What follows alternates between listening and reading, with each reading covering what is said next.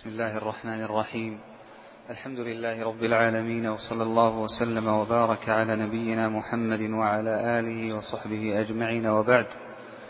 فاللهم لا علم لنا إلا ما علمتنا إنك أنت العليم الحكيم. اللهم اغفر لنا ولشيخنا وللحاضرين والحاضرات والمستمعين والمستمعات. قال الشيخ العلامة عبد الرحمن بن ناصر السعدي رحمه الله تعالى في كتابه منهج السالكين وتوضيح الفقه في الدين. كتاب في كتاب الجنائز وقال صلى الله عليه وسلم نفس المؤمن معلقة بدينه حتى يقضى عنه. رواه أحمد والترمذي. والواجب في الكفن ثوب يستر جميعه سوى رأس المحرم ووجه المحرمة وصفة الصلاة عليه أن يقوم فيكبر فيقرأ الفاتحة ثم يكبر ويصلي على النبي صلى الله عليه وسلم ثم يكبر ويدعو للميت فيقول اللهم اغفر لحينا وميتنا وصغيرنا وكبيرنا وشاهدنا وغائبنا وذكرنا وأنثانا. اللهم من أحييته منا فأحيه على الإسلام ومن توفيته فتوفه على الإيمان. اللهم اغفر له وارحمه وعافه واعف عنه وأكرم نزله ووسع مدخله. واغسله بالماء والثلج والبرد ونقه من الذنوب كما ينقى الثوب الأبيض من الدنس. اللهم لا تحرمنا أجره ولا تفتنا بعده واغفر لنا وله. وإن كان صغيرا قال بعد الدعاء, بعد الدعاء العام اللهم اجعله فرطا لوالديه وذخرا وشفيعا مجابا.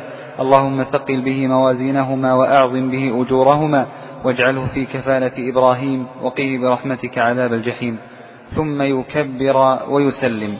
وقال النبي صلى الله عليه وسلم ما من رجل مسلم يموت فيقوم على جنازته أربعون رجلا لا يشركون بالله شيئا إلا شفعهم الله فيه رواه مسلم. وقال من شهد الجنازة من شهد الجنازة حتى يصلى عليها فله قيراط ومن شهدها حتى تدفن فله قيراطان قيل وما القيراطان؟ قال مثل الجبلين العظيمين. متفق عليه. ونهى النبي صلى الله عليه وسلم أن يجصص القبر أو وأن يقعد عليه وأن يبنى عليه رواه مسلم.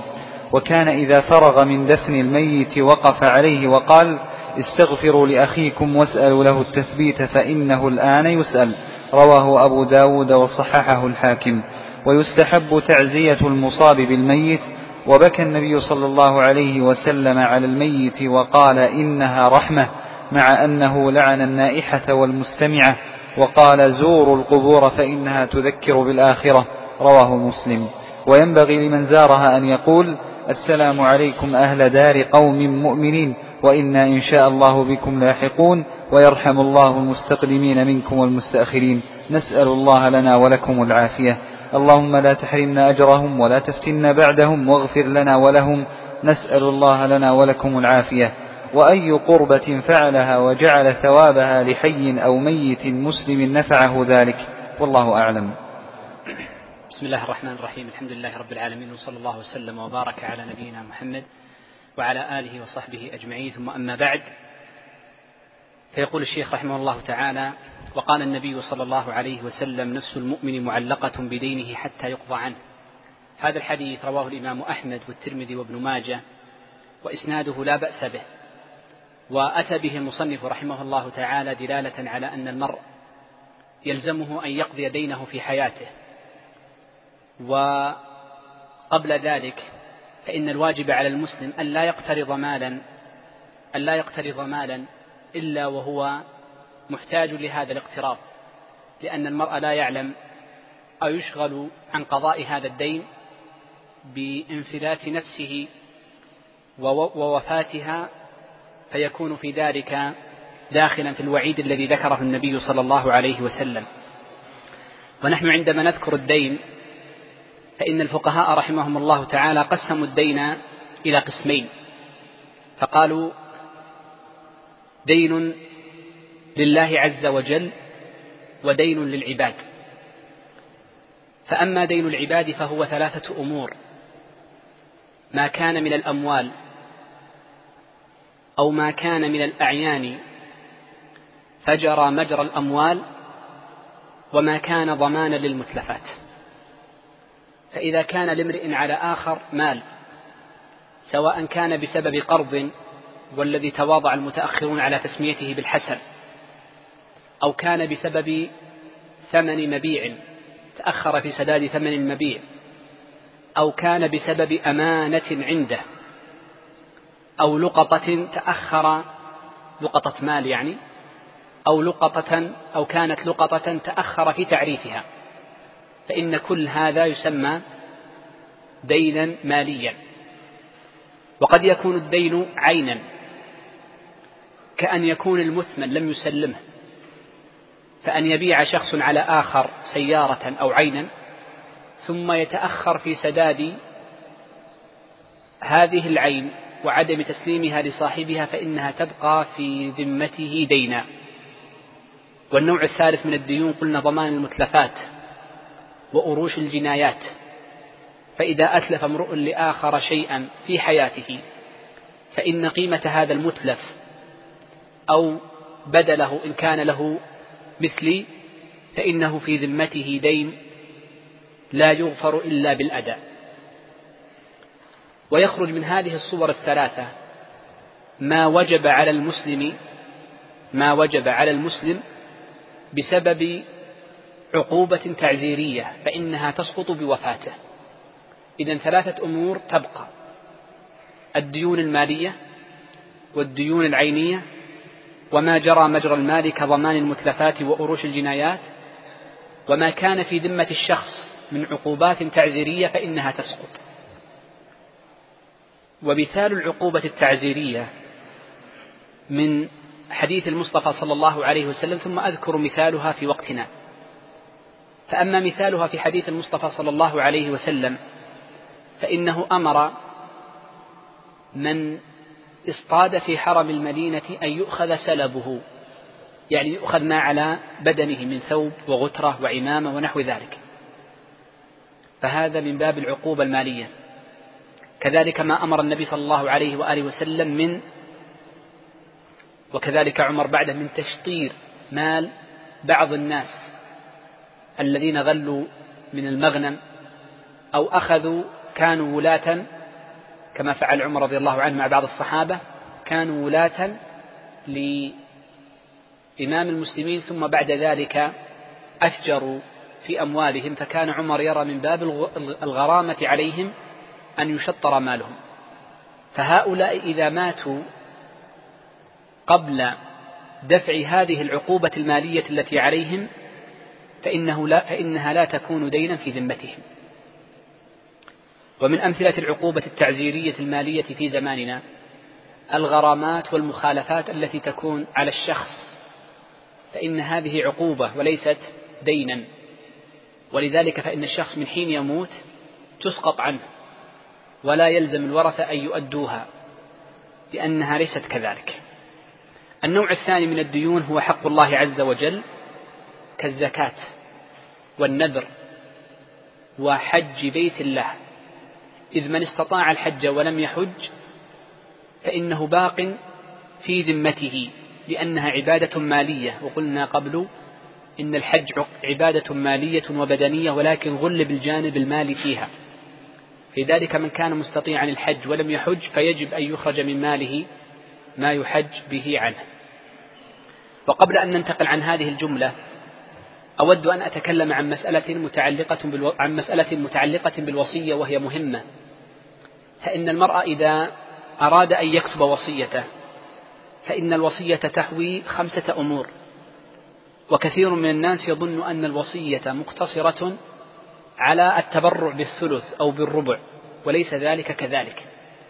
بل الوصية الشرعية التي جاء في حديث ابن عمر الأمر بها هي ما احتوت على خمسة أمور.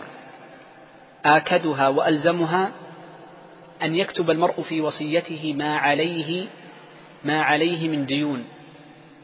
أن يكتب ما عليه من ديون. إذ المرء إذا توفي ربما كانت عليه ديون لأشخاص متعددين ولا يعلم ورثته بذلك. فيبقى الدين في ذمته وتهنأ واستفاد بالمال غيره. لذلك فإن أوجب ما يكتب في الوصية هو أن يكتب المرء ما عليه من الديون. ثم يكتب بعد ذلك ما له عند غيره من الأموال. وفي هذا حفظ لحق ورثته من بنيه وزوجته ووالديه. إذ كثير من الناس يكون له مال عند زيد وعمر ويموت ولا يعرف ولا يعرف ورثته بهذا المال فيضيع عليهم. فمن باب الإحسان إلى الورثة وصلة الرحم بهم والجود عليهم والإحسان لمن عليه الدين أيضا أن يكتب المرء في وصيته ما له من الديون في ذمة غيره. أو أين تقع حساباته البنكية إن كانت عنده حسابات بنكية سرية ونحو ذلك من الأمور. أو أين يخفي ماله كأن يخفيه تحت وسادة أو يضعه في درج ما فيخبر الورثة لكي لا يضيع عليهم المال. الأمر الثالث من الوصية قالوا هو الوصية بالتبرعات. وهذا الذي النبي صلى الله عليه وسلم أباح فيه الثلث. وكان الصحابة رضوان الله عليهم كأبي بكر وغيره يستحبون أن يكون ربعا لأن النبي صلى الله عليه وسلم قال الثلث والثلث كثير فالربع هو السنة. والنبي صلى الله عليه وسلم مات ولم يوصي من هذا شيء ما ترك شيئا في ذلك. الأمر الرابع في الوصايا هو ما يسمى بالإيصاء بالإيصاء. والإيصاء على نوعين. إيصاء بمال وإيصاء بولاية بولاية تزويج. فأما الإيصاء بالمال فأن يوصي المرء بأن الوصي على ورثته القصر هو فلان أو فلانة. لأن الوصاية بالمال لا فرق فيها بين الرجل والمرأة. وأما الوصاية على البنات فهي وصاية التزويج. فيكون المرء له بنات أيام لم يتزوجن. فيوصي أن الوصي عليهن في التزويج فلان ابن فلان. فيقدم هذا الوصي على الجد وهو أبو الأب. فيكون هو الذي يتولى عقدهن أو يتولى عقدهن. ويقدم على إخوانه.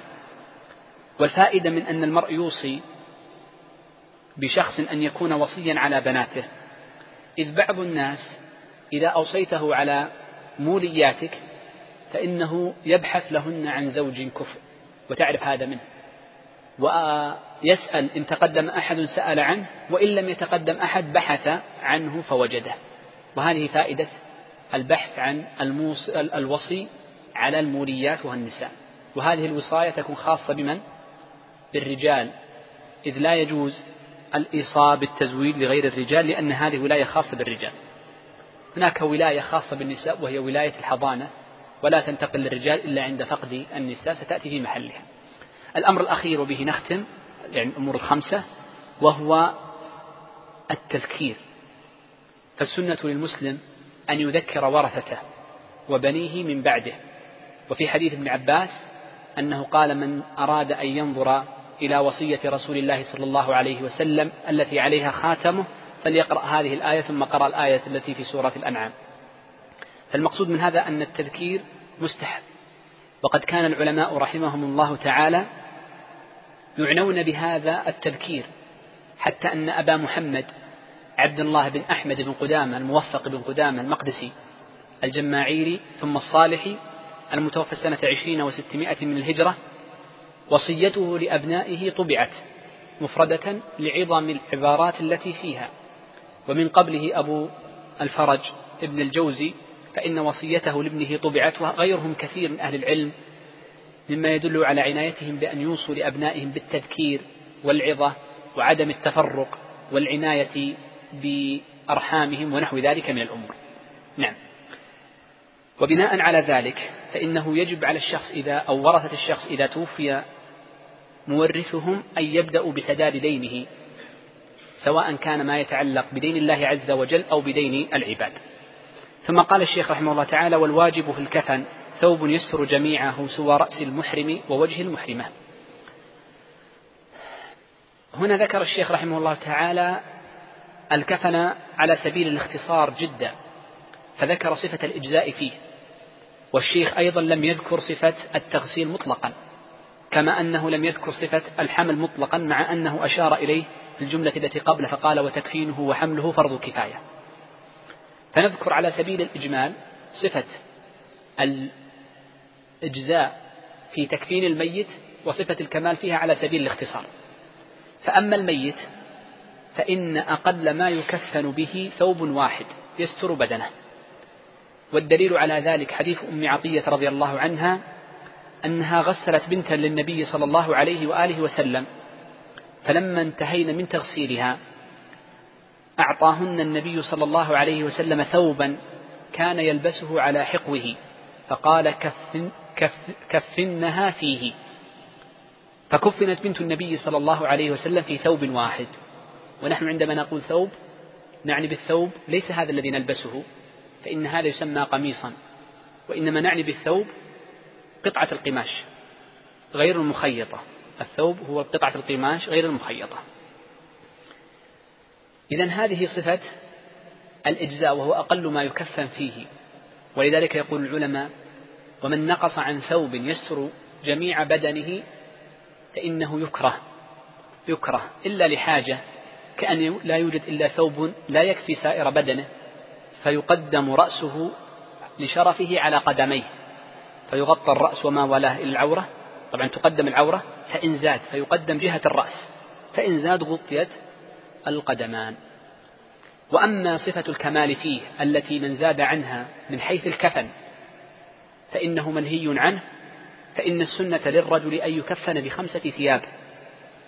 كما صح ذلك من حديث عائشة رضي الله عنها أن النبي صلى الله عليه وسلم كفن في خمسة ثياب ليس فيها قميص يعني ليس فيها ثوب مفصل على هيئة أكمام. ليس فيها قميص ولا عمامة. وأما المرأة فإن السنة في كفنها أن تكفن في ثلاثة أثواب في خمسة أثواب. في خمسة أثواب. الرجل في ثلاثة أثواب والمرأة في خمسة أثواب وهذه هي السنة. نعم.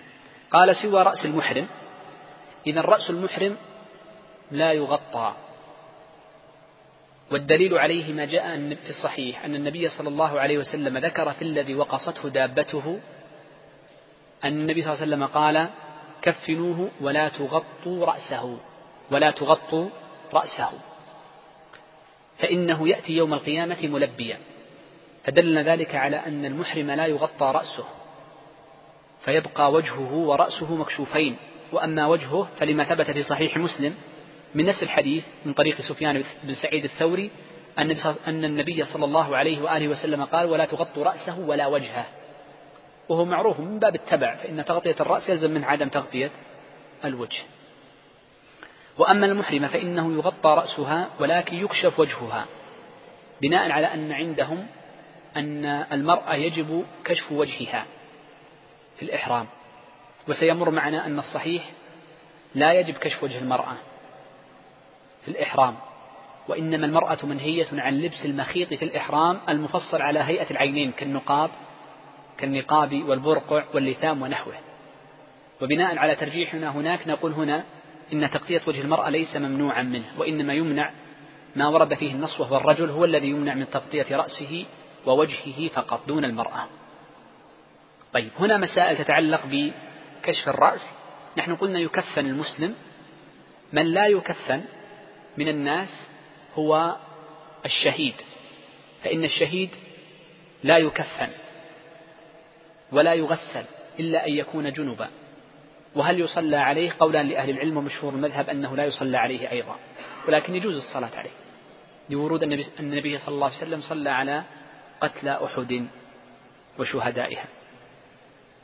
وهذا لشرفه غير أنه لا ينزع من الشهيد إلا ما كان من درع له قيمة أو جلد فإن السنة أن ينزع الجلد عن عن الميت فلا, فلا يدفن معه شيء فيه جلد. الأمر الثاني مسألة كشف الوجه. كثير من الناس إذا أدخل الميت في قبره كشف وجهه وهذا ليس له أصل وإنما جاءت السنة بحل الأرباط فقط دون كشف الوجه دون كشف الوجه دون كشف الوجه. نعم.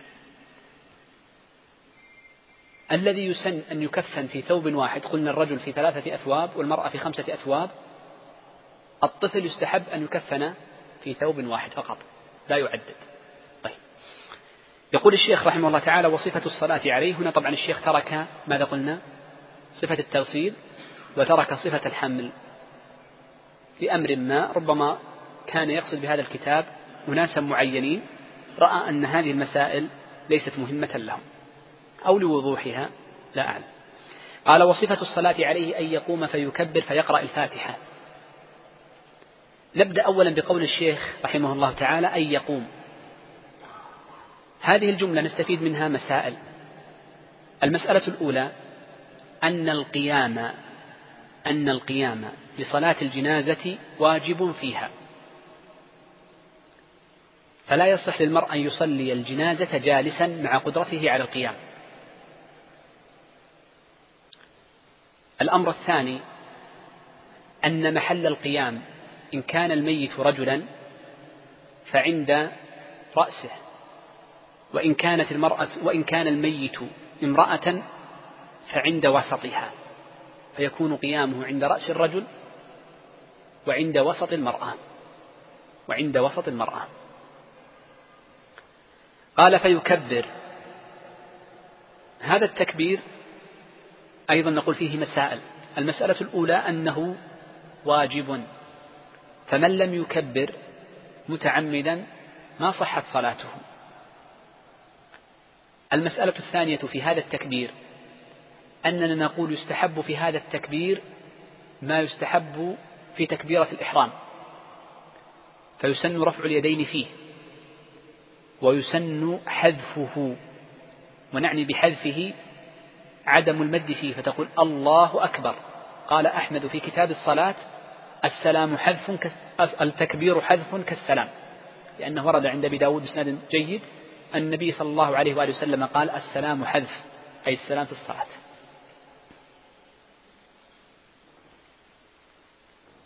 ثم قال الشيخ فيقرأ الفاتحة ومثل ما قلنا في الفاتحة في الصلاة يقرأ هنا فيستحب وليس واجب قراءة البسملة ويجب تتابع الآيات فيها وعدم ترك التشديدات. وكم قلنا إن في الفاتحة من تشديدة؟ كم؟ نسيت. وين؟ كم؟ كم تشديدة في الفاتحة؟ 12 نقص شوي. 10 12 11 آه صحيح. هي إحدى عشرة تشديدة. فمن ترك تشديدة فإنه يكون قد ترك حرفا ساكنا. طيب. في هذه الجملة مسألتان. المسألة الأولى هل يستحب دعاء الاستفتاح في صلاة الجنازة أم لا؟ يقول ابن المنذر إنه لم يثبت في شيء من الآثار أن النبي صلى الله عليه وسلم أو أحدا من أصحابه أو من التابعين دعا بدعاء الاستفتاح. ولذلك فإن جماهير أهل العلم قاطبة حاشا سفيان على أنه لا يستحب دعاء الاستفتاح وهذا هو الموافق للسنة ولا شك. والمسألة الثانية هل يقرأ بعد الفاتحة بسورة أم لا؟ مشهور المذهب أنه لا يستحب قراءة شيء بعد الفاتحة. ولكن الصحيح أنه قد ثبت من حديث ابن عباس أن النبي صلى الله عليه وآله وسلم قرأ الفاتحة ثم قرأ بعدها بقل هو الله أحد وجهر فيهما وكان جهره فيهما للتعليم لا لاستحباب الفعل هذا دائما مثل ما فعل النبي صلى الله عليه وسلم في حديث أبي سعيد فإنه جهر في صلاة الظهر وليس هذا محل جهر أظن تكلمنا عنه قبل وبناء على ذلك فإن قراءة سورة بعد الفاتحة وردت السنة بها لأن ابن عباس قال هكذا رأيت النبي صلى الله عليه وسلم يفعل. فإن أطال الإمام في القيام فإنك تقرأ بعد الفاتحة بسورة.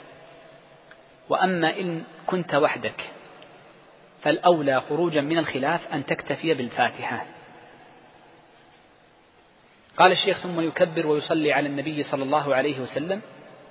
وقلنا إن صفة الصلاة والسلام على النبي صلى الله عليه وسلم وردت بصيغ متعددة وأفضلها الصيغة الإبراهيمية وهي على اختلاف التنوع في صفتها وتقدم الحديث عنها.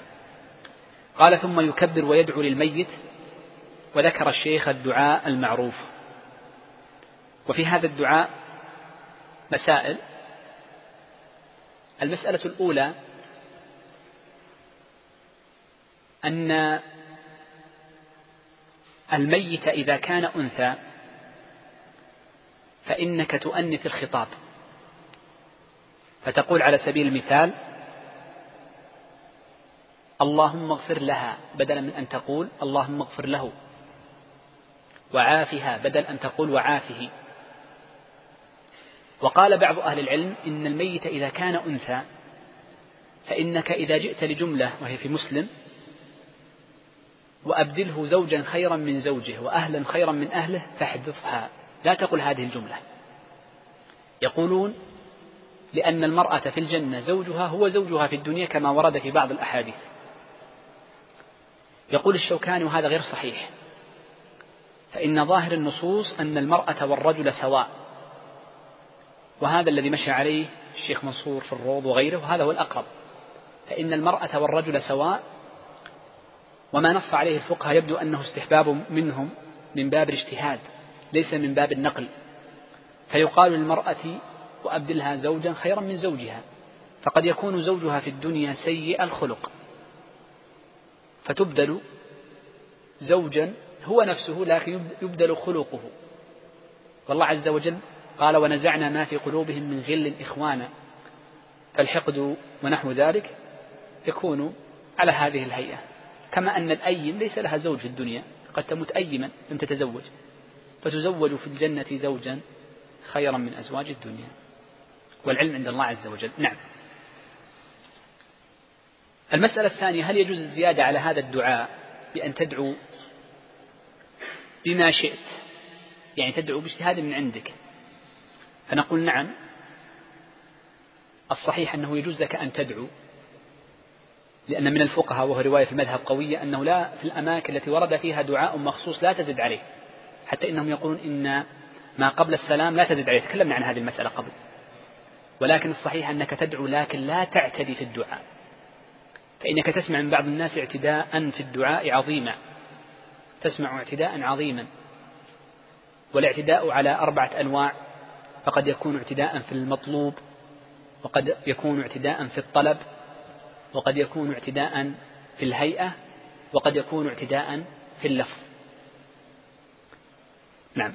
يقول الشيخ ثم يكبر ويسلم وهذه هي التكبيرة الرابعة. والتكبيرة الرابعة السنة فيها عدم الدعاء بأن تسكت. بأن تسكت. وإن دعا فيها المرء فلا بأس لأنه جاء أن بعض أهل العلم كانوا يجعلون بعض الدعاء أو التكبير بعد الرابعة. ولكن السنة كما نص عليه كثير من أهل العلم أن يسكت المرء بعد التكبيرة الرابعة. ثم يكب ثم يسلم. والسنة في التسليم أن تكون واحدة عن اليمين. وقد ورد عن النبي صلى الله عليه وسلم أنه صلى بدل الأربع خمس. صلى على زيد بن أرقم وكبر عليه خمس تكبيرات. وإذا كانت التكبيرات خمس فإنه يدعى بعد التكبيرة الثالثة ويدعى بعد التكبيرة الرابعة. وأما الخامسة فيسكت فيها. وأما التكبيرات الست فكثير من أهل العلم يضعف الحديث الذي فيها. وأما السبع فلا شك في ضعفها. وأما السبع فلا شك في ضعفها. ومشهور المذهب أن مشى المتأخرون من الحنابل على أن الست ضعيفة. لأن أحمد لمزها في بعض الروايات كأنه ضعفها. وبناء على ذلك فإنك إذا صليت خلف إمام فكبر أربعا فإنك تكبر كم؟ أربعا وجوبا. فإن كبر خمسا فيجب عليك متابعته لأن هذه ثابتة. النبي صلى الله عليه وسلم كبر خمسا والنبي صلى الله عليه وسلم أمر بمتابعة الإمام فتكبر خمسا. فإن كبر ستا فإن كنت ترى ضعف الحديث وهو الأقرب فلا تتابعه في السادسة.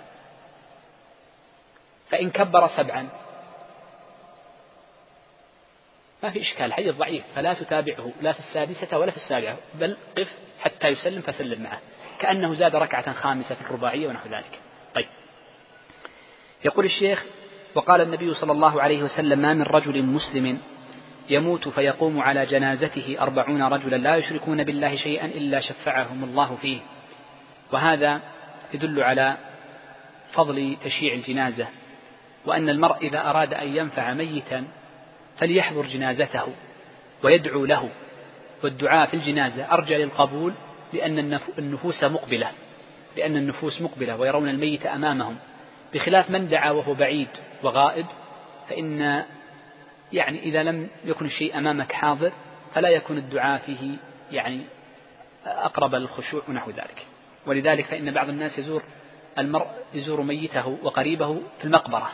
فنقول إن زيارته في المقبرة والزيارة البعيدة واحد لا فرق. ولكن تؤجر على زيارة المقبرة للتذكير بالآخرة. وفي الغالب أن المرأة إذا زار قريبا له اجتهد في الدعاء أكثر مما لو اجتهد لو كان في بيته. فلذلك هذا هو الفضل في قضية زيارة القريب. ثم قال وقال النبي صلى الله عليه وسلم من شهد الجنازة حتى يصلى عليها فله قيراطان ومن شهدها حتى تدفن فله قيراطان أو فله قيراط ومن شهدها حتى تدفن فله, فله قيراطان قيل وما القيراطان قال مثل الجبلين العظيمين متفق عليه وهذا واضح. قال الشيخ ونهى النبي صلى الله عليه وسلم أي في الصحيح مسلم أن يجصص القبر. والمراد بتجصيص القبر جعل الجص عليه. جعل الجص عليه. واختلف أهل العلم رحمهم الله تعالى في المعنى في المعنى من نهي النبي صلى الله عليه وسلم عن تجصيص القبر. في المعنى من نهيه. فقال بعض أهل العلم إن المراد بالنهي النبي صلى الله عليه وسلم عن التجصيص هو أن يجعل على القبر شيء يلاط به. يلاط به ليص فلو جعلت جصا يمنع. لو جعلت اسمنتا يمنع. الجص معروف الجص الأبيض هذا الذي جعل في البيوت القديمة. لو جعلت طينا لو طينته قالوا أيضا يمنع. إذا بنوه على ماذا؟ أن العلة هي ماذا؟ أن يلاط أو يبنى يعني أو يعني يجعل بشيء يقويه. وقال بعض أهل العلم إن المعنى في نهي النبي صلى الله عليه وسلم عن التجصيص هو جعل شيء مسته النار مسته النار. وبناء على ذلك فإنه يمنع مما كان في حكم التجصيص مما مسته النار كالإسمنت. ولا يمنع من الطين. ولا يمنع من الطين وهذا هو الصحيح والذي عليه الفتوى وهو مشهور المذهب.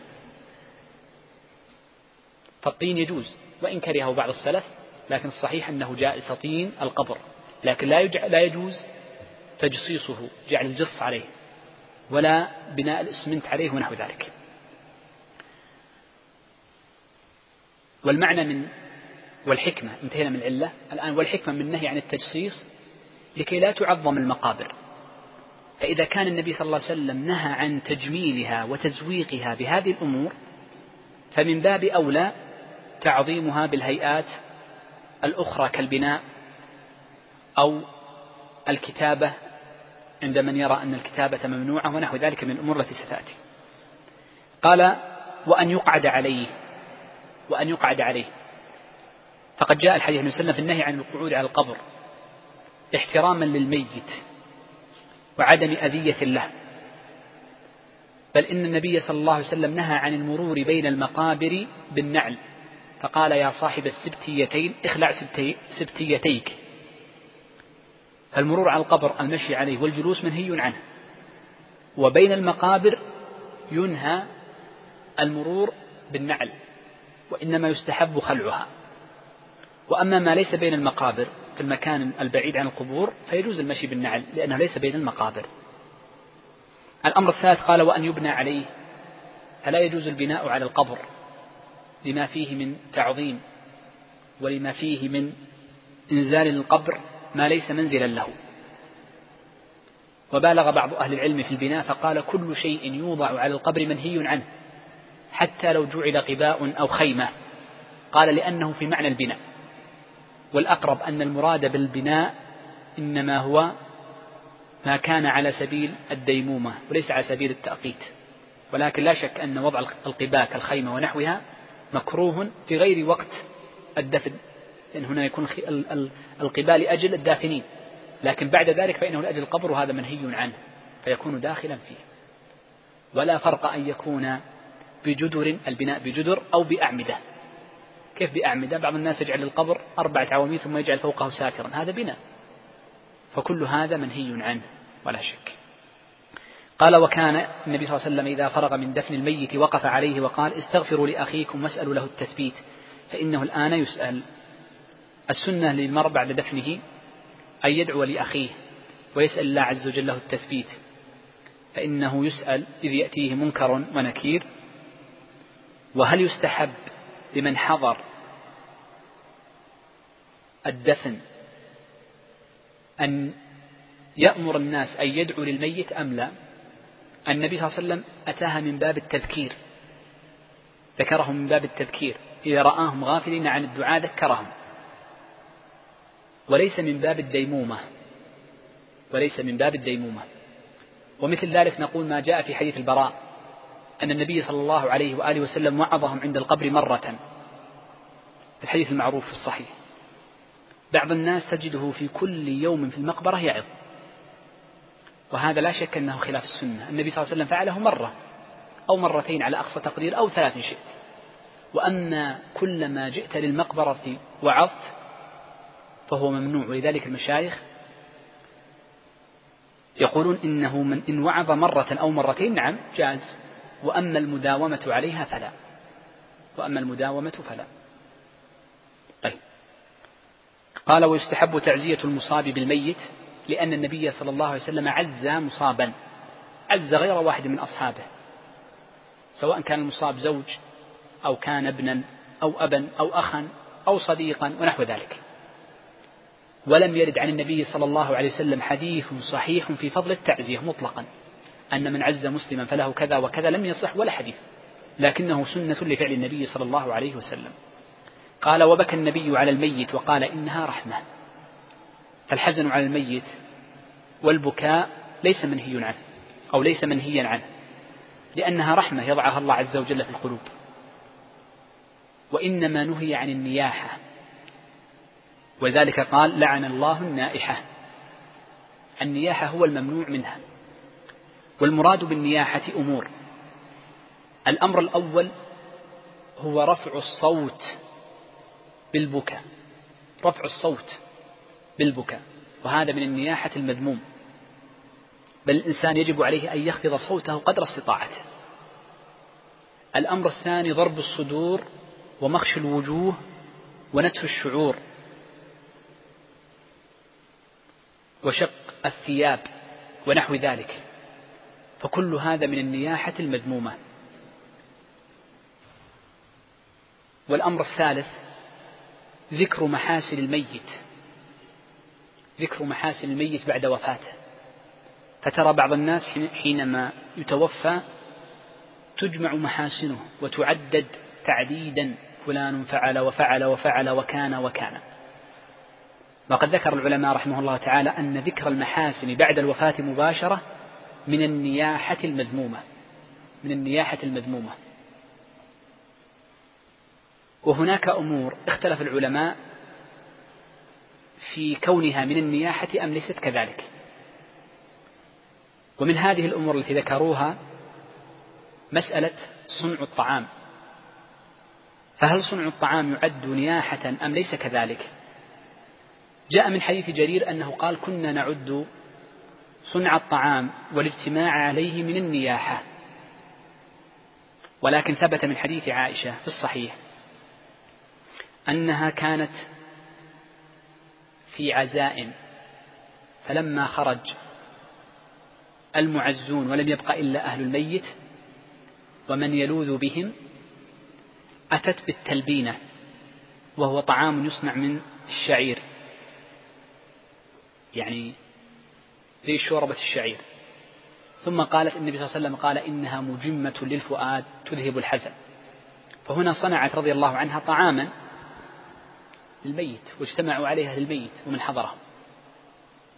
فدلنا ذلك على أن صنع الطعام ليس ممنوعا منه إلا أن يقصد الاجتماع عليه بأن يقال يا فلان عندنا طعام اجتمعوا. فبعض الناس إذا كان عنده عزا نادى جيرانه ومن يجاورهم وأقرباءه كل يوم يجتمعون عنده غدا وعشاء. هذا مذموم.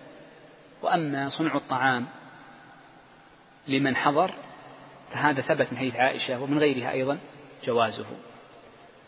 الأمر الثاني الذي اختلف في كونه من النياحة أم لا قالوا النعي. وقد جاء أن الفضيل بن عياض قال كانوا يعدون النعي من النياحة. والنعي يحتمل أمرين إما الإخبار بالوفاة علانية بأن يقوم صارخ فيقول مات فلان أو النعي بالشعر بأن تذكر محاسنه فيكون داخلا في السابق. ولذلك كان كثير من السلف رضوان الله عليهم من حذيفة وغيره إذا حضرته الوفاة قال لا تؤذنوا أحدا بوفاتي لا تؤذنوا أحدا بوفاتي. أول ما أموت ادفنوني وقت ما تيسر لكي لا يكون داخلا في النعي المذموم. والأمر في ذلك قلنا هو متردد من باب تحقيق المناط. طيب. ثم قال وقال زوروا القبور فإنها تذكر بالآخرة. وتكلمنا أن زيارة القبور السنة فيها تذكير بالآخرة. لا يقصد به التبرك فيكون بدعة. لا ينتفع الميت بزيارة الزائر له إلا بدعائه. ودعاء البعيد والقريب سواء لكن إذا كان المرء قريبا يجتهد في الدعاء أكثر مما يجتهد لو كان بعيدا. ولا يسمع الميت من الزائر كلمة. قال وينبغي لمن زارها. طبعا زيارة القبور مخصوصة بالرجال دون النساء. لما ثبت أن النبي صلى الله عليه وسلم لعن زوارات القبور. لعن زوارات القبور. وأما ما جاء أن عائشة كانت رؤية أنها جاءت من زيارة قبر أخيها فإن الإمام أحمد في كتاب العلل رواية ابن عبد الله ضعف هذا الحديث. وهو من هو في العلم. ولذلك يجب على الشخص أن يعرف لأهل العلم قدرهم وخصوصا في باب التصحيح والتضعيف. والنسائي رحمه الله تعالى في كتاب السنن نظر في حديث في فقال ظاهره الصحة ولكن يحيى بن معين ضعفه. قال وهو أعلم وهو أعلم. شوف النسائي قريب عهد من يحيى ولكنه عرف لأهل الفضل علمهم. ومثله قال الحافظ بن حجر في التلخيص لما رأى أبا حاتم الرازي رحمه الله تعالى حر ضعف حديثا. قال ولكن ظاهره عندي الصحة أو نحو هذه الكلمة ولكن علم أبي حاتم أو ابن أبي حاتم ابنه صاحب كتاب الجرح والتعديل أظهر ولا بد أنه قد اطلع على علة لم أعلمها. تعرف المتقدمون من أهل العلم كانوا يضعفون الحديث ولا يذكرون علته من باب ظهورها عندهم. نعم. قال وينبغي لمن زارها أن يقول السلام عليكم أهل دار قوم مؤمنين وإنا إن شاء الله بكم لاحقون إلى آخر الحديث. وهذا الحديث إنما يقال لمن دخل المقبرة أو مر بين القبور. لأننا قلنا إن كلمة مقبرة ومسجد ومصلى كما تذكرون تطلق ويقصد بها أحد أمرين إما البناء المحاط وإنما موضع القبر وموضع الصلاة وموضع السجود. وهذه صيغة منتهى الجموع فمقبرة ومسجد ومصلى من ذلك. فالمقصود من هذا أو مساجد ومقابر ومصلى. مصليات ليست منتهى الجموع وإنما جمع مؤنث سالم. فالمقصود من هذا أن هذه تصدق على أمرين. على الموضع. فإذا مررت بين قبرين ولو لم يكن فناء في فناء أو مررت بجانب قبر ولو لم يكن له سور فإنه في هذه الحالة تقول هذا الدعاء. فإن كان هناك سور فإذا ولجت السور ورأيت القبور ولو بعيدة فإنك تدعو. وبعض الإخوان كلما مر مع شارع البطحة ودوامه يومين يروح يجي ويقرأ هذا الدعاء. والظاهر أن الدعاء لا يقال وأنت في الشارع بل إما أن تدخل تلج المقبرة أو تمر بين القبور إن لم يكن لها سور. والمسألة الأخيرة في هذا الباب قبل أن ننتقل نأخذ مقدمة في الزكاة. قول الشيخ رحمه الله تعالى وأي قربة فعلها أي الحي؟ وجعل ثوابها لحي أو ميت مسلم نفعه ذلك. هذه المسألة مشهورة باسم مسألة إهداء الثواب. إهداء الثواب.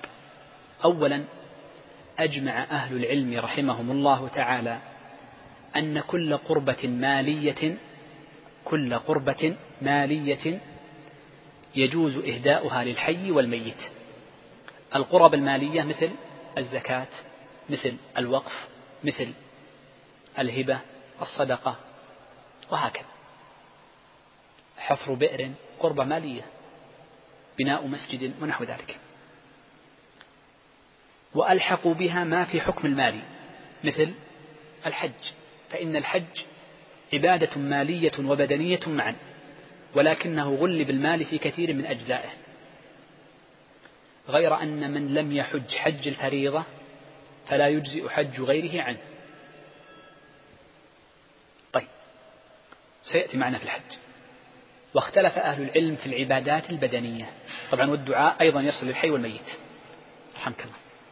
واختلف أهل العلم رحمهم الله تعالى في العبادات البدنية كالصلاة والصوم و ماذا؟ الاعتكاف وقراءة القرآن وغيرها من العبادات البدنية. هل تصل أم لا؟ فمنصوص الإمام أحمد رحمه الله تعالى واختيار شيخ الإسلام ابن تيمية أن الحي والميت تصله العبادات البدنية. واستدلوا بحديث ثبت في صحيح أبي داود أن النبي صلى الله عليه وسلم قال من مات وعليه صوم صام عنه وليه. قال أحمد وأبو داود هو في الندر خاصة أي في الواجبات. وذهب الإمام الشافعي رحمه الله تعالى هنا ذكرت الخلاف فائدة. إلى أن العبادات البدنية لا تصل لغير فاعلها لأن الله عز وجل قال ولا تزر وازرة وزر أخرى. والقول الثاني هو الذي عليه الفتوى بدءا من الشيخ محمد بن إبراهيم محمد بن عبد الوهاب رحمه الله تعالى إلى مشايخنا الأحياء. اختاروا هذا الرأي. وعلى العموم حتى على القول الأول فلا شك أن السنة هي أولى. والنبي صلى الله عليه وسلم دل المرأة إذا مات أبوه أن يدعو له ولم يقل تصدق عليه بقراءة قرآن أو صلاة. فقال النبي صلى الله عليه وسلم إذا مات ابن آدم انقطع عمله إلا من ثلاث وذكر منها أو ولد صالح يدعو له. ولو كان التصدق عليه بصلاة أو بقراءة قرآن أفضل لدل النبي صلى الله عليه وسلم عليه. فدلنا على أن الدعاء أفضل ولا شك. كيف وأن وهو مشكوك في الأجر؟ صحيح أم لا؟ ويجب هنا أن نستثني مسألة. أنه إذا استؤجر فاعل القربة فلا أجر لا للفاعل ولا للمهدى له الثواب. بعض الناس إذا مات له ميت جاب له واحد قال تعال خذ هذه ألف ريال واختم ختمة واهدها لمن؟ لأبي. واهدي ثوابها لأبي. يهدى الثواب. أصلا هو ما له أجر القارئ هنا. لماذا؟ لأنه أخذ أجرته في الدنيا أخذ ألف ريال. أخذ أجرته في الدنيا. فهذه لا أجر فيها. لا للقارئ ولا للمهدى له. ولا للمهدى له. نعم يقول شيخ الإسلام قد يثاب الذي بذل المال. على ماذا؟ على أنه هذه أوقاف تجعل بعض الناس يقرؤون القرآن ويراجعون القرآن قد يثاب عليها من هذه الجهة يعني من بعيد جدا. نأخذ أول الزكاة. تفضل شيخ. بقي خمس دقائق. تفضل. قال رحمه الله كتاب الزكاة. وهي واجبة على كل مسلم حر ملك نصابا ولا زكاة في مال حتى يحول عليه الحول إلا الخارج من الأرض وما كان تابعا للأصل كنماء النصاب وربح التجارة فإن حوله ما حول أصلهما. ولا تجب ثم شرعنا الآن في الكتاب الثالث من كتاب آه من هذا الكتاب وهو كتاب الزكاة. والزكاة واجبة على كل مسلم حر ملك نصابا. فغير المسلم لا تجب عليه الزكاة وإنما تجب عليه الجزية ويجب عليه العشور ويجب عليه الخراج وغير ذلك من الأمور وهي بدل عن الزكاة. كذلك غير الحر القن لا تجب عليه الزكاة لأن ماله ملك لسيده. فزكاة ماله واجبة على سيده لا أن ماله لا زكاة فيه بل لأن المخاطب بوجوب الزكاة إنما هو سيده. قال ملك نصابا والمراد بملك النصاب الملك واستقراره ليس الملك فقط بل لا بد من استقرار الملك. والفقهاء يفرقون أحيانا بين الاستقرار والتمام وأحيانا يجعلونهما واحدا. والمراد بالاستقرار أمور. الأمر الأول استقرار الملك. الأمر الأول أن لا يمكن الرجوع فيه أن لا يمكن الرجوع فيه. مثال ذلك من وهب هبة لغيره ولم يقبضها الموهوب له. من وهب هبة لغيره ولم يقبضها الموهوب له فيجوز للواهب مع الكراهة الشديدة أن يعود في هبته. لقول النبي صلى الله عليه وسلم العائد في هبته كالكلب يعود في قيئه. ودليل ذلك ما ثبت أن أبا بكر لما حضرته الوفاة قال إني كنت قد نحلت عائشة نخلا لي بالعالية فلو قبضته لملكته فلم تقبضه فاجعلوه للورثة. فدلنا ذلك على أنه يمكن الرجوع فيه إما بإرادة من الواهب أو بسبب وفاته. فمن وهب له مال إذا الصورة الأولى من وهب له مال فهو في ملكه لكنه لم يستقر الملك. فلا زكاة فيه حتى يقبضه. هذا واحد. من صور عدم استقرار الملك أيضا الدين. الدين. فمن كان له دين على غيره. فمن كان له دين على غيره أي أنت المقرض لغيرك. وهذا الدين وهذا الدين على رجل مماطل أو على رجل معسر أو على رجل منكر. فإنه لا زكاة فيه. لأنك ما تدري قد يأتي وقد لا يأتي. فقد يجلس عشرين سنة وأنت وياه في المحاكم ما يأتيك هذا المال.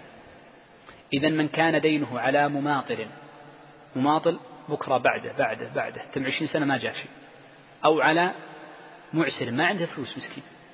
قد يموت ما خلاص إذا مات ما عنده مال ذهب مالك. دين معدوم.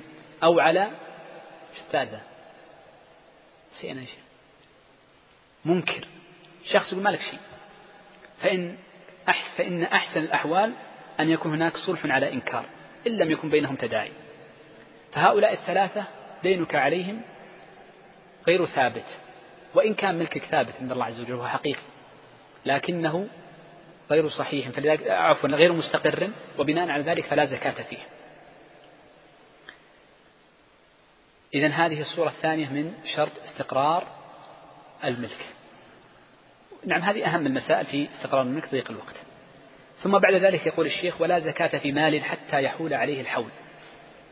حولان الحول على المال شرط في الزكاة بإجماع أهل العلم. حكى الإجماع جمع من أهل العلم كالشافعي وغيره من متقدم العلم ومتأخرين. إجماع بين أهل العلم فيه. والعجيب أن الحديث الذي روي عن النبي صلى الله عليه وسلم هو حديث ابن عمر. أن النبي صلى الله عليه وسلم قال من استفاد مالا فلا زكاة فيه حتى يحول عليه حول فإنه حديث ضعيف. وهذا يدلنا على قاعدة مهمة ذكرها ابن الصلاح وهو أن الحديث قد نحكم بضعف إسناده ونجزم بصحة متنه.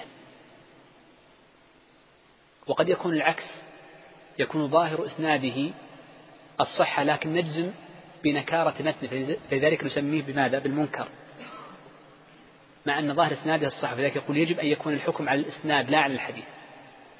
وهنا أقف في دقيقة واحدة. مع بعض طلبة العلم الذي إذا رأى في مسألة عدم ورود حديث صحيح أبلج فيها ينكر العمل فيها مطلقا. مع أن القواعد العامة للشريعة أو الإجماع أو الاستصحاب أو الضوابط الفقهية المخصوصة بباب تدل عليه أو ورود بعض الآثار عن الصحابة والتابعين. ولذلك ربما خالف ما عليه عمل الناس بحجة أنه لم يصح حديث في هذا الباب. وهذه تدل على عدم تمام فقهه ولا شك. نعم. قال إلا الخارج من الأرض فإن الخارج من الأرض لا يشترط له حولان الحول. لماذا؟ لماذا؟ لأن الله عز وجل يقول وآتوا حقه يوم حصاده فإنما يزكى في يوم حصاده. سنتكلم متى يجب ومتى يستقر الوجوب. وهنا نكتة ذكرها بعض الفقهاء فإنهم قالوا إن الحول الواجب في الزكاة هو الحول القمري. بإجماع أهل العلم. يجب الحول بالقمري تزكيه واحد رمضان تزكي رمضان. تزكي في صفر في صفر وهكذا. إلا في الخارج من الأرض فإنه يزكى بالحول الشمسي. لماذا قالوا هذا الكلام؟ هل ما يبي لها فقه. لماذا قالوا هذا الكلام؟ أعيدها. ما فهمت؟ ها موسى. أعيدها. يقولون إن الواجب في الزكاة الحول أن يكون حولا قمريا. ما الفرق بين الحول القمري والشمسي؟ كم يوم؟ كم يوم يا شيخ؟ 15 لا 11 أحد عشر يوما. يجب الحول القمري في جميع الأموال الزكوية التي يشترط لها الحول إلا في الخارج من الأرض. فإنه يجب بالحول الشمسي يعني بالسنة الميلادية. لماذا؟ أحسنت. لأن الزراعة أو الزرع ينبت في مواسمه فصول السنة شيء في الصيف شيء في الشتاء وشيء في الخريف. والمواسم هذه منضبطة بالحول الشمسي. فسواء قلت إن المزروعات تتعلق بالحول الشمسي أو لا حول لها كلها واحد النتيجة واحدة. طيب. وهذه المسألة الأخيرة مهمة جدا. قال الشيخ وما كان تابعا للأصل كنماء النصاب وربح التجارة فإن حولهما حول أصلهما. هناك أشياء تسمى مستفادة أي استفادها الشخص. هناك أشياء استفادها الشخص مستفادة. المال المستفاد متى يكون حوله؟ المال المستفاد متى يكون حوله؟ نقول إن المال المستفاد إما أن يكون من جنس المال الذي عندك أو من نمائه. إما من جنسه أو من نمائه. ما معنى من جنسه أو من نمائه؟ أنا عندي مالي من من النقد فلوس. قلنا أن الذهب والفضة جنس واحد. عندي ذهب وفضة وريالات. فاستفدت في أثناء السنة ريالات. هذه من جنس الريالات أو ليست من جنسها؟ من جنسها. طيب. استفدت في أثناء السنة إبلا. اشتريت إبل. أو وهبت لي إبل. استفدت مالا. هذا مال مستفاد. لكن هل هو من جنس المال الأول الذي عندي؟ لا ليس من جنسه. طيب. من نمائه من نمائه النماء نوعان. نماء بسبب الإنتاج كأن يكون الغنم ولدت أو الشجرة أثمرت؟ وقد يكون النماء بسبب التجارة وقد يكون النماء بسبب النض لا التجارة خلوها بعد. نعم أو التجارة اللي هو الربح. وقد يكون السبب بسبب النض إيش معنى النض اللي هو الإبدال. وقد يكون السبب وقد يكون سبب النماء الزيادة المتصلة كأن تسمن الشاة ويكبر سن المعز فإن المعزة إذا كانت كلها صغار ما تحسب ما يكون فيها زكاة. إذا هذا ما يسمى المستفاد منه منه. المستفاد ليس منه يعني ليس من بسببه وهبت له مال وهب له مال جديد. شوف وهب له مال جديد. ورث عن أبيه مالا. جاءه راتب. جاءه أجرة عمل. وهكذا. إذا مال جديد. وضحت إذا المال المستفاد نوعان. إما أن يكون بسبب من جنس المال الأول وإما أو ليس من جنسه وإما أن يكون من نمائه أو ليس من نمائه. وضحت؟ اقسم الصور. نجد أن عندنا أربعة صور. لو فكرت فيها لوجدت أنها أربع صور. كيف؟ مال ليس من جنس المال الأول الذي عندك وليس من نمائه. اثنين من جنسه ومن نمائه. ثلاثة ليس من جنسه ومن نمائه. أربعة من جنسه وليس من نمائه. نأتي بها واحدة واحدة. الأولى من جنسه ومن نمائه كذا. ليس من جنسه وليس من نمائه. سهلة جدا. بإجماع أهل العلم أن حول المال الثاني حول جديد. شخص عنده نقد ريالات. في أثناء السنة ملك إبلا. ملك إبل. من جبت الإبل؟ ما اشتريتها من النقد وإنما وهبت لي جاءتني هبة. هل هو من هل هل الإبل من من جنس النقد الذي عندك ريالات؟ لا. هل هي من نمائه؟ لا. إذا بإجماع أهل العلم أن الإبل هذه حولها بدأ من حين ملكتها. واحد. الحالة الثانية قلنا حسب الترتيب معكم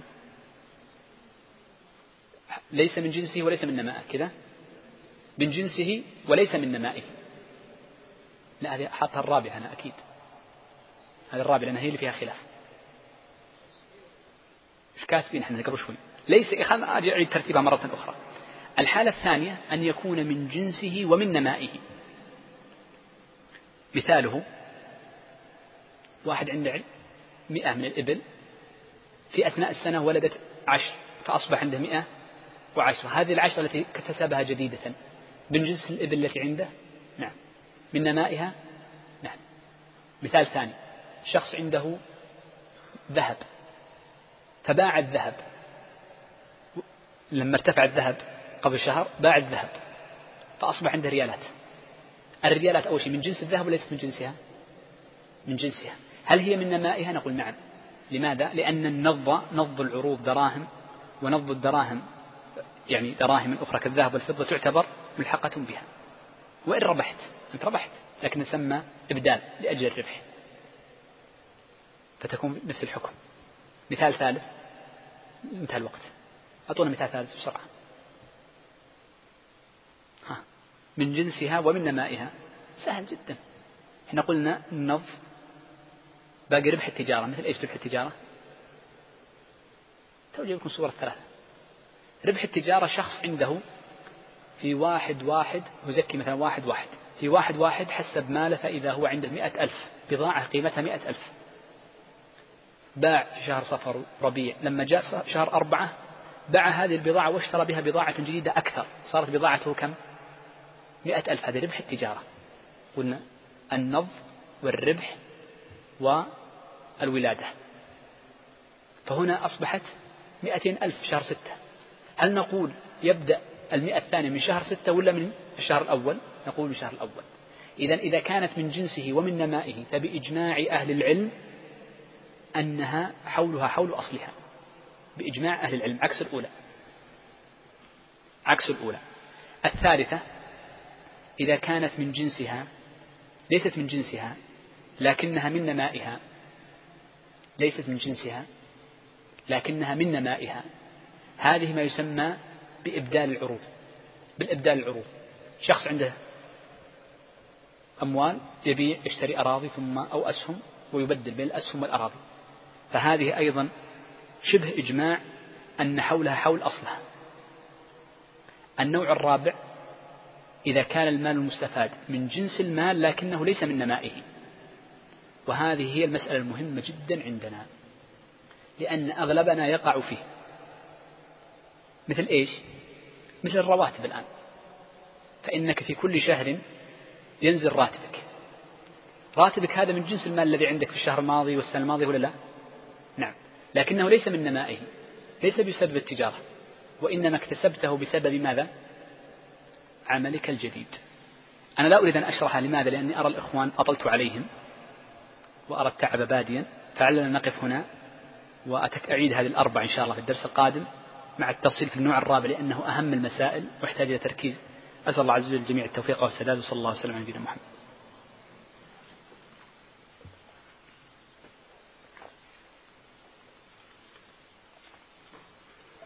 نعم هذا أحد الإخوان يقول من فاتته تكبيرات على الجنازة ماذا يفعل؟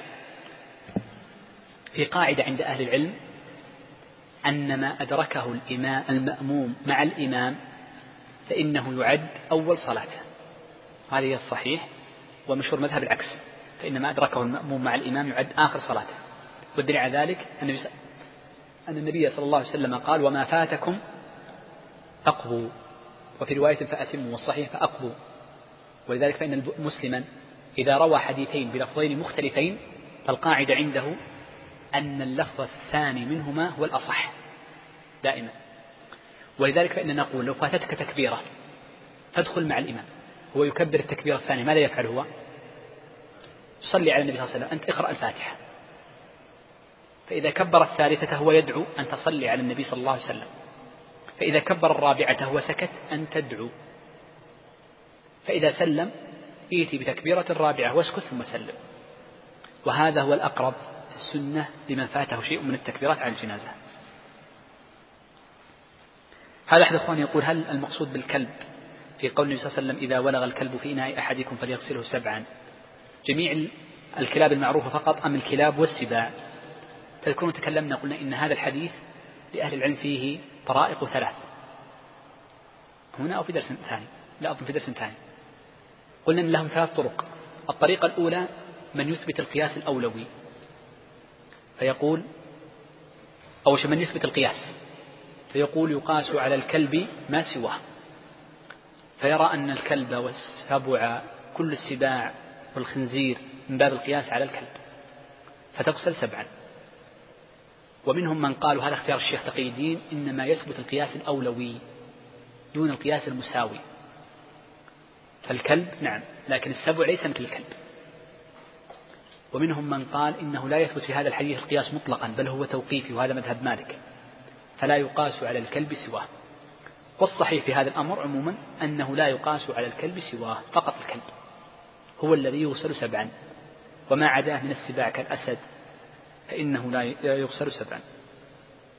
هل يلزم من إجزاء الغسل عن الوضوء المضمضة والإستنشاق؟ نعم يجب. يجب المضمضة والاستنشاق. بل إن الغسل لا يرفع الحدث الأكبر شوف الغسل لا يرفع الحدث الأكبر إلا بمضمضة واستنشاق.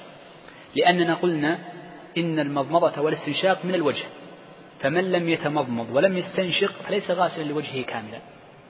والله عز وجل ما ذكر مضمضة في الآية مما يدلنا على ذلك وثبتت في السنة مما يدلنا على أن من لم يتمضمض ويستنشق فلم يغسل وجهه كاملا.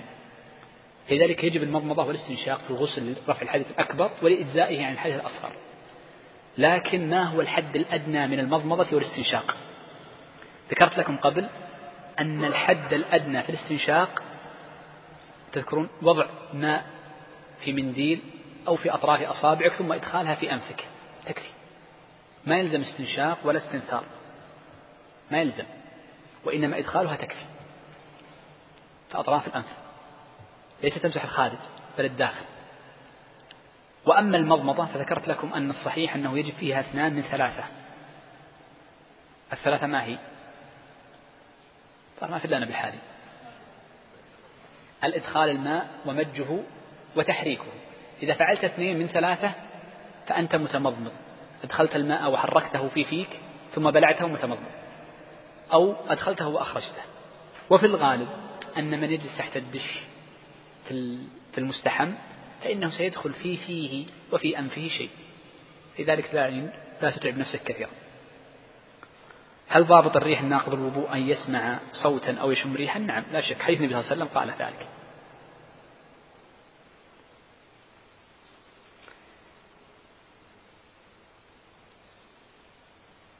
قال من يجوز لهم إنزال جنازة المرأة في القبر؟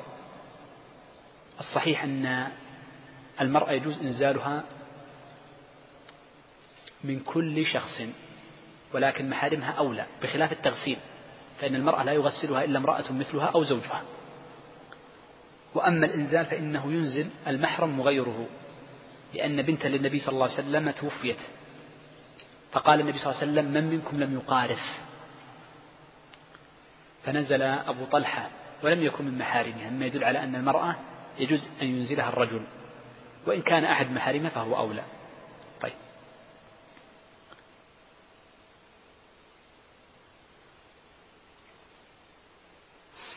يقول هل الدعاء الجماعي بأن يدعو شخص ويؤمن الآخرون جائز أم لا؟ إن قلت إنه سنة لا ليس بسنة. ليس لكن لو دعا امرؤ مرة وأمن الباقون لا بأس. طيب. هل ترفع اليدين في الدعاء في المقبرة أم لا؟ ما رأيكم؟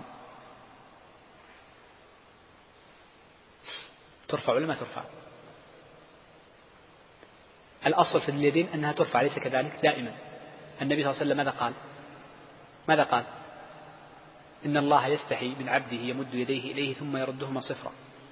فالسنة رفع اليدين مطلقا إلا في مواضع جاء المنع فيها منها حال الخطبة حيث ضيف الثماري. من؟ منها عقب النافلة. النبي عقب الفريضة عفوا. ذكر ابن القيم في الزاد النبي النبي صلى الله عليه وآله وسلم ما كان يدعو بعد الفريضة برفع يديه. ولذلك جاء من حديث ثوبان وعبد الرحمن بن عوف وعائشة وعبد الله بن عمرو أنه كان إذا انفتل من صلاته استغفر ثلاثا ثم قال اللهم أنت السلام ومنك السلام. تباركت يا ذا الجلال والإكرام. وكذا كل موضع دعا فيه النبي صلى الله عليه وسلم ولم يرفع يديه كحال الصلاة. ومن أهل العلم من يقيس على هذه المواضع ما يشبهها.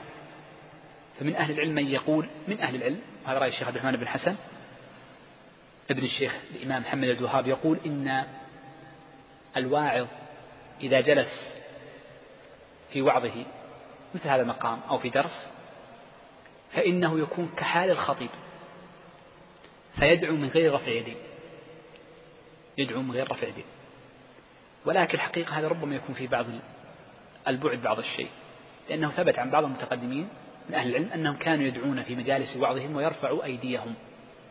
فإلحاق هذا بالخطيب فيها بعد لأن الخطبة لها أحكام وهي نائبة عن ركعتي الظهر وليس كذلك في غيرها من مجالس الوعظ. نأتي هنا نقول في المقبرة نعم هو دعاء مشروع فرفع اليدين فيه مشروع كذلك.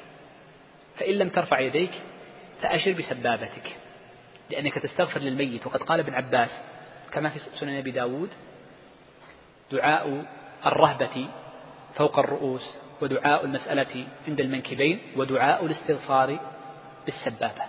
فأنت تستغفر الميت فتستغفر له وتشير بسبابتك. وهذا هو الأولى لأن استغفار الميت فيكون بالسبابة.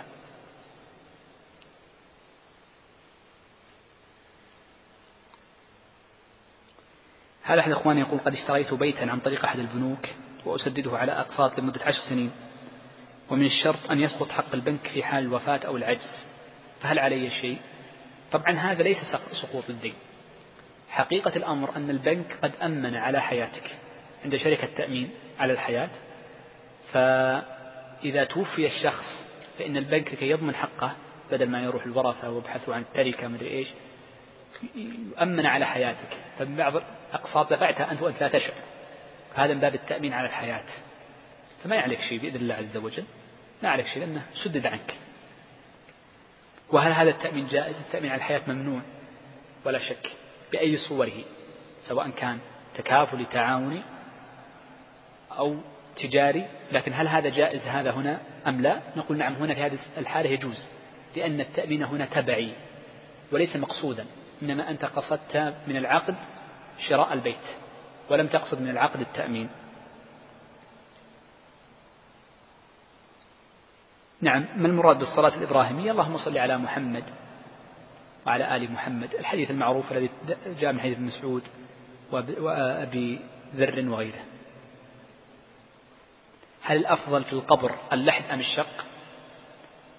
الصحيح أن السنة اللحد لأن الله عز وجل لا يرتضي لنبيه إلا الأفضل. والنبي صلى الله عليه وسلم لما مات بعثوا لشاق ولاحد. اللاحد كان من أهل المدينة والشاق كان من المهاجرين من أهل مكة. وقالوا إن من يأتي أول نفعل بقبر النبي صلى الله عليه وسلم به ذلك فأتى اللاحد أولا فلحد النبي صلى الله عليه وسلم. ولذلك قال الفقهاء إن اللحد أولى من الشق مع الاتفاق على جواز الاثنين. واللحد له تعرفون صورتان ثلاث صور له ثلاث صور. طبعا لم يتكلم عنها الشيخ.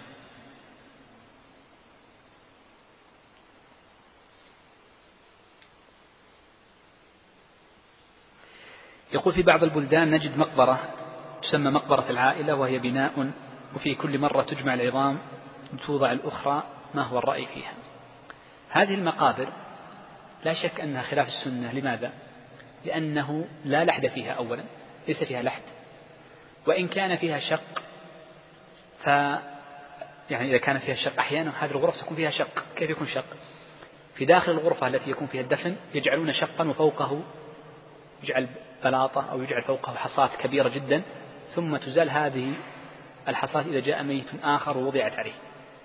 الأمر الأول يجب أن يكون في هذه الغرف مكان يشق فيه ويغطى لا أن يجعل الشخص بكفنه في هذه الغرفة ثم تأتي بعد فترة وتكنس رفاته. إذا الأمر الأول احرص على أن يكون هناك شق.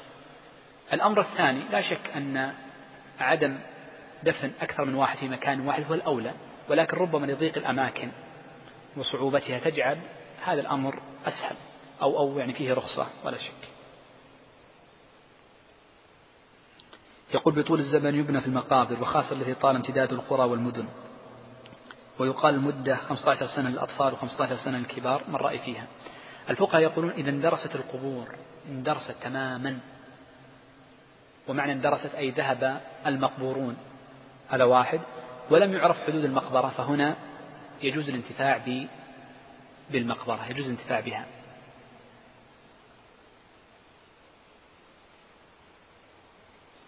العارية هل هي داخلة في الدين؟ نعم داخلة في الدين فيجب أداؤها. لأنها متعلقة إحنا قلنا الدين ثلاث أشياء هذا أحد يسأل؟ هل العارية داخلة في الدين؟ نعم. إحنا قلنا أن الدين ثلاثة تذكرون؟ قبل شوي. دين إيش؟ مال وعيني العارية عين شخص جعل عند آخر عارية فتعتبر في حكم الدين لأنها ليست الورثة ها؟ الإتلاف النوع الثالث الإتلاف نعم. النوع الثالث الإتلاف. يقول ذهبت مهمة عمل انتدبت لمدة أحد عشر يوما وقد قضيت هذه المهمة في سبعة أيام. ماذا أعمل؟ بباقي المال الذي لا أستحقه وهو أربعة أيام. هل أدخله في حساب براء الذمة أم أعيده إلى حساب ما أدري حساب عملي. حساب إلى حساب خيري في عملي. إذا كان العمل يتعلق الذي انتدبت له يتعلق بنتيجة. العمل إذا كنت قد انتدبت إلى عمل فيه نتيجة. مثل أنهي المهمة الفلانية فسواء جعل لك باليوم أو بغير اليوم فخذه. وإن كان متعلقا بالأيام. يعني مثل, مثل بالعمل مثل ماذا؟ يقال اذهب وتأكد من التفتيش على شيء فلاني. مثل يفتش على قضاة يفتش على موظفين. فهنا العبرة بالنتيجة معاملات تنهيها. فسواء أخذته في أقل أو في أكثر جاز لك. وإن كان انتدابك متعلق ليس بالعمل وإنما بالزمان. كأن يقال أنت ملزم مثلا بالمداومة هناك أسبوعا كاملا أو المرابطة في الحج أسبوعا كاملا. فهنا أنت متعلق بالزمن. أجرتك مأخوذة على الزمن. فهنا لا يحق لك أن تأخذ ما زاد. لا يحق لك أن تأخذ ما زاد. إلا أن يكون هناك إذن عرفي للجميع بأن يقال إن عملكم ينتهي يوم كذا وأعطيناكم خمسة أيام مقابل يعني السكن ونحو ذلك. هل يعمل بالحديث الضعيف لو لم يكن في الباب إلا غيره؟ لا لا ما في قاعدة عامة نقول إننا نعمل بالحديث الضعيف أو لا نعمل بالحديث الضعيف. لا غير صحيح. الذي يعمل بالحديث الضعيف هو أهل العلم الذين عرفوا الأحاديث من جانب وعرفوا الفقه فالحديث إذا عضده أمر كقول صحابي أو أصل من الأصول الشرعية الواضحة البينة لا شك أنه يعمل به. وأما ولم يعارضه أصل آخر من أصول الشريعة والأدلة الصحيحة فإنه يعمل به. ولذلك يقولون إن الحديث يعمل به ما لم يكن شديد الوهن وفي فضائل الأعمال.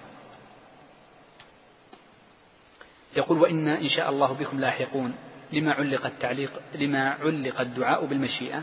علق الدعاء بالمشيئة من باب التحقيق وليس من باب التعليق. باب التحقيق يعني ما ما دعا يقول نحن سنلحق بكم. ما قال يعني يدعو ربه أننا نلحق بكم. أنت ميت ميت. فهو من باب التحقيق أننا إن شاء الله بكم لاحقون. السؤال الأخير به نختم. أحد الأخوان يقول كيف أضبط هذا الكتاب ويكون أساسا لدراسة غيره من كتب الفقه؟ وهل يلزم حفظ المتن؟ المتون كلما حفظها المرء كلما استفاد فائدة كثيرة جدا. نتكلم عن متون الفقه بالخصوص. فائدة حفظ المتون أولا معرفة مصطلحات القوم مصطلحات الفقهاء. فكثير من الناس إذا لم يعرف هذه الألفاظ ويحفظها لم يعرف مصطلحاتها. فلو قلت لشخص ما حكم الضمان؟ ربما لو كان مبتدئا لظن أن المقصود بالضمان ضمان المتلفات بينما الفقهاء إذا أطلقوا الضمان فإنما يعنون به الكفالة. فتعرف ما مرادهم بالضمان. لما قالوا إنه لا يجوز أخذ الأجرة على الضمان ويجب في الضمان كذب. إذا تعرف مصطلحاتهم الأمر الثاني أن أيضا بعض الفقهاء لكل مذهب بل لكل مدرسة يعني المدرسة الواحدة لهم أكثر من مصطلح. مثل قول المالكية مثلا ويستحب الوضوء إذا استنكح. إذا استنكح الشخص. كثير من الإخوان لا يعرف معنى هذه الكلمة. والاستنكاح أخذ من تناكحت الشجر أي إذا اختلطت. بمعنى أن الشخص إذا شك. شوف هذا المصطلح. مع أنه مشهور عندهم. مسلم عندهم أن معناه الشك. فلذلك معرفة المتون وحفظها تفيد إلى معرفة المصطلحات. الأمر الثاني أن المتون تفيد أيضا في الاستظهار. وكثير من الناس يمر عليه المسألة مرة ومرتين وثلاث ثم بعد ذلك ينساها بينما لو كان حافظا للمتن فإنه يستظهرها. يستظهرها نعم. وكذلك وخصوصا إذا كبر سن المرء فإنه يزداد نسيانه ولا يبقى في ذهنه إلا ما حفظه صغيرا. فلذا قال أهل العلم إنه لا بد من الحفظ. الأمر الثالث الذي يفيدنا حفظ هذه المتون أنها تعرف تعرف المرء مواضع المسائل. فكم من امرئ يريد أن يبحث مسألة فلا يعرف مظنتها والسبب أنه لم يعتد على كتب الفقهاء ولم يرفض في مضمارهم فلذلك لا يعرف مظنتها بينما الذي حفظ يعرف. فعلى سبيل المثال كتاب الجنائز يذكر فيه الفقهاء مثلا أحكام إهداء الثواب. أحكام إهداء الثواب هنا. ما تعلقه بالجنائز في تعلق لكنه ربما يعني قد لا يكتشفه كل امرئ. فلذلك نقول إن معرفة حفظ المتون تجعل الشخص يعرف المسائل مظنتها. الأمر الرابع أن حفظ المتون تفيد المفتي وطالب العلم إذا أراد أن يفتي لنفسه على أقل الأحوال عندما يتوقف. فليس كل امرئ يستطيع أن ليس كل امرئ يستطيع أن يفتي في كل مسألة بل لا يوجد. ولذلك قال بعض أهل العلم من سئل عن كل مسألة فأجاب فهو مجنون قطعا مجنون. ما في شخص عالم يجيب في كل مسألة.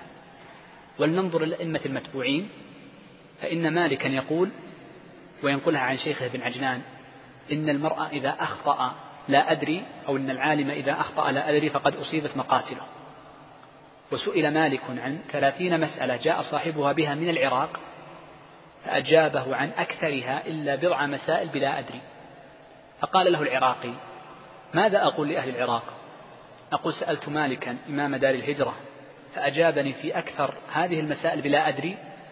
قال أتريد إذا جاءنا كل امرئ أن نبيع ديننا لأجله؟ وكان الإمام محمد بن إدريس الشافعي عليه رحمة الله كثيرا في كتبه ناهيك عن أسئلته كثيرا في كتبه ما يعلق الجواب ويطلقه. نقصد بيعلق الجواب أنه يقول إن صح الحديث بكذا فهو كذا ويطلقه بأن يقول وهذه المسألة فيها قولان وقد جمعت هذه المسائل من المتقدمين من أصحابه وأما أحمد فإن أحمد كان يسأل كثيرا فيقول لا أدري. قال أبو بكر الأثرم لما أحمد إذا سئل قال لا أدري؟ قال لعلمه بالخلاف. فكلما زاد علم المرء زاد ورعه وكلما قل علمه زاد افتياته واجتراؤه على الفتيا ولذا جاء عند الدارمي ومن كثير من أهل العلم يحسنه من الشيخ باز أن النبي صلى الله عليه وسلم قال أجرأكم على الفتيا أجرأكم على النار. أجرأكم على الفتيا أجرأكم على النار. والحديث فيه كلام عند أهل العلم معروف. فالمقصود أن المرء كثيرا من الأحيان يتوقف. فإذا كان حافظا لمتن فإنه سيكون في ذهنه ألوف المسائل يعرف فيها قول. يعرف فيها قول. فقد عدت بعض مسائل خليل ومسائل الزاد فأوصلها بعضهم إلى ستة آلاف مسألة. يعني في مئة صفحة فيها ستة آلاف مسألة. مما يدل على كثرة هذه الفروع التي حفظتها. تحفظها في شهر شهرين ثلاثة على حسب قدرة الشخص. إذا هذه الأمور الأربعة هي المفيدة في حفظ المتون. وقد قال ابن نصر الله التستري في نظم الوجيز من كتب الحنابلة وبعد فالفقه عظيم المنزلة قد اصطفى الله خيار الخلق له لكنه بل كل علم يوضع بدون حفظ لفظه لا ينفع. فحفظ المتون مهم لكن ما كل يستطيع الحفظ الناس قدرات فإن لم تستطع الحفظ عليك بالاستظهار يعني تمر على المتن مرة أو مرتين أو ثلاث حتى تستظهر المسائل. إن استطعت حفظ هذا المتن فحسن. إن استطعت أن تحفظ تحفظ ما هو أكبر منه فحسن. فانظر المتن الذي يشرح والذي عليه الاعتماد في فرد فاحفظه ولا تحفظ غرائب الكتب فإن غرائب الكتب ما تفيد حفظها. بعض الناس يحفظ غرائب الكتب. هذه ما ما تجد أصلا من يشرحها لك. أسأل الله عز وجل الجميع التوفيق والسداد وصلى الله وسلم على نبينا محمد.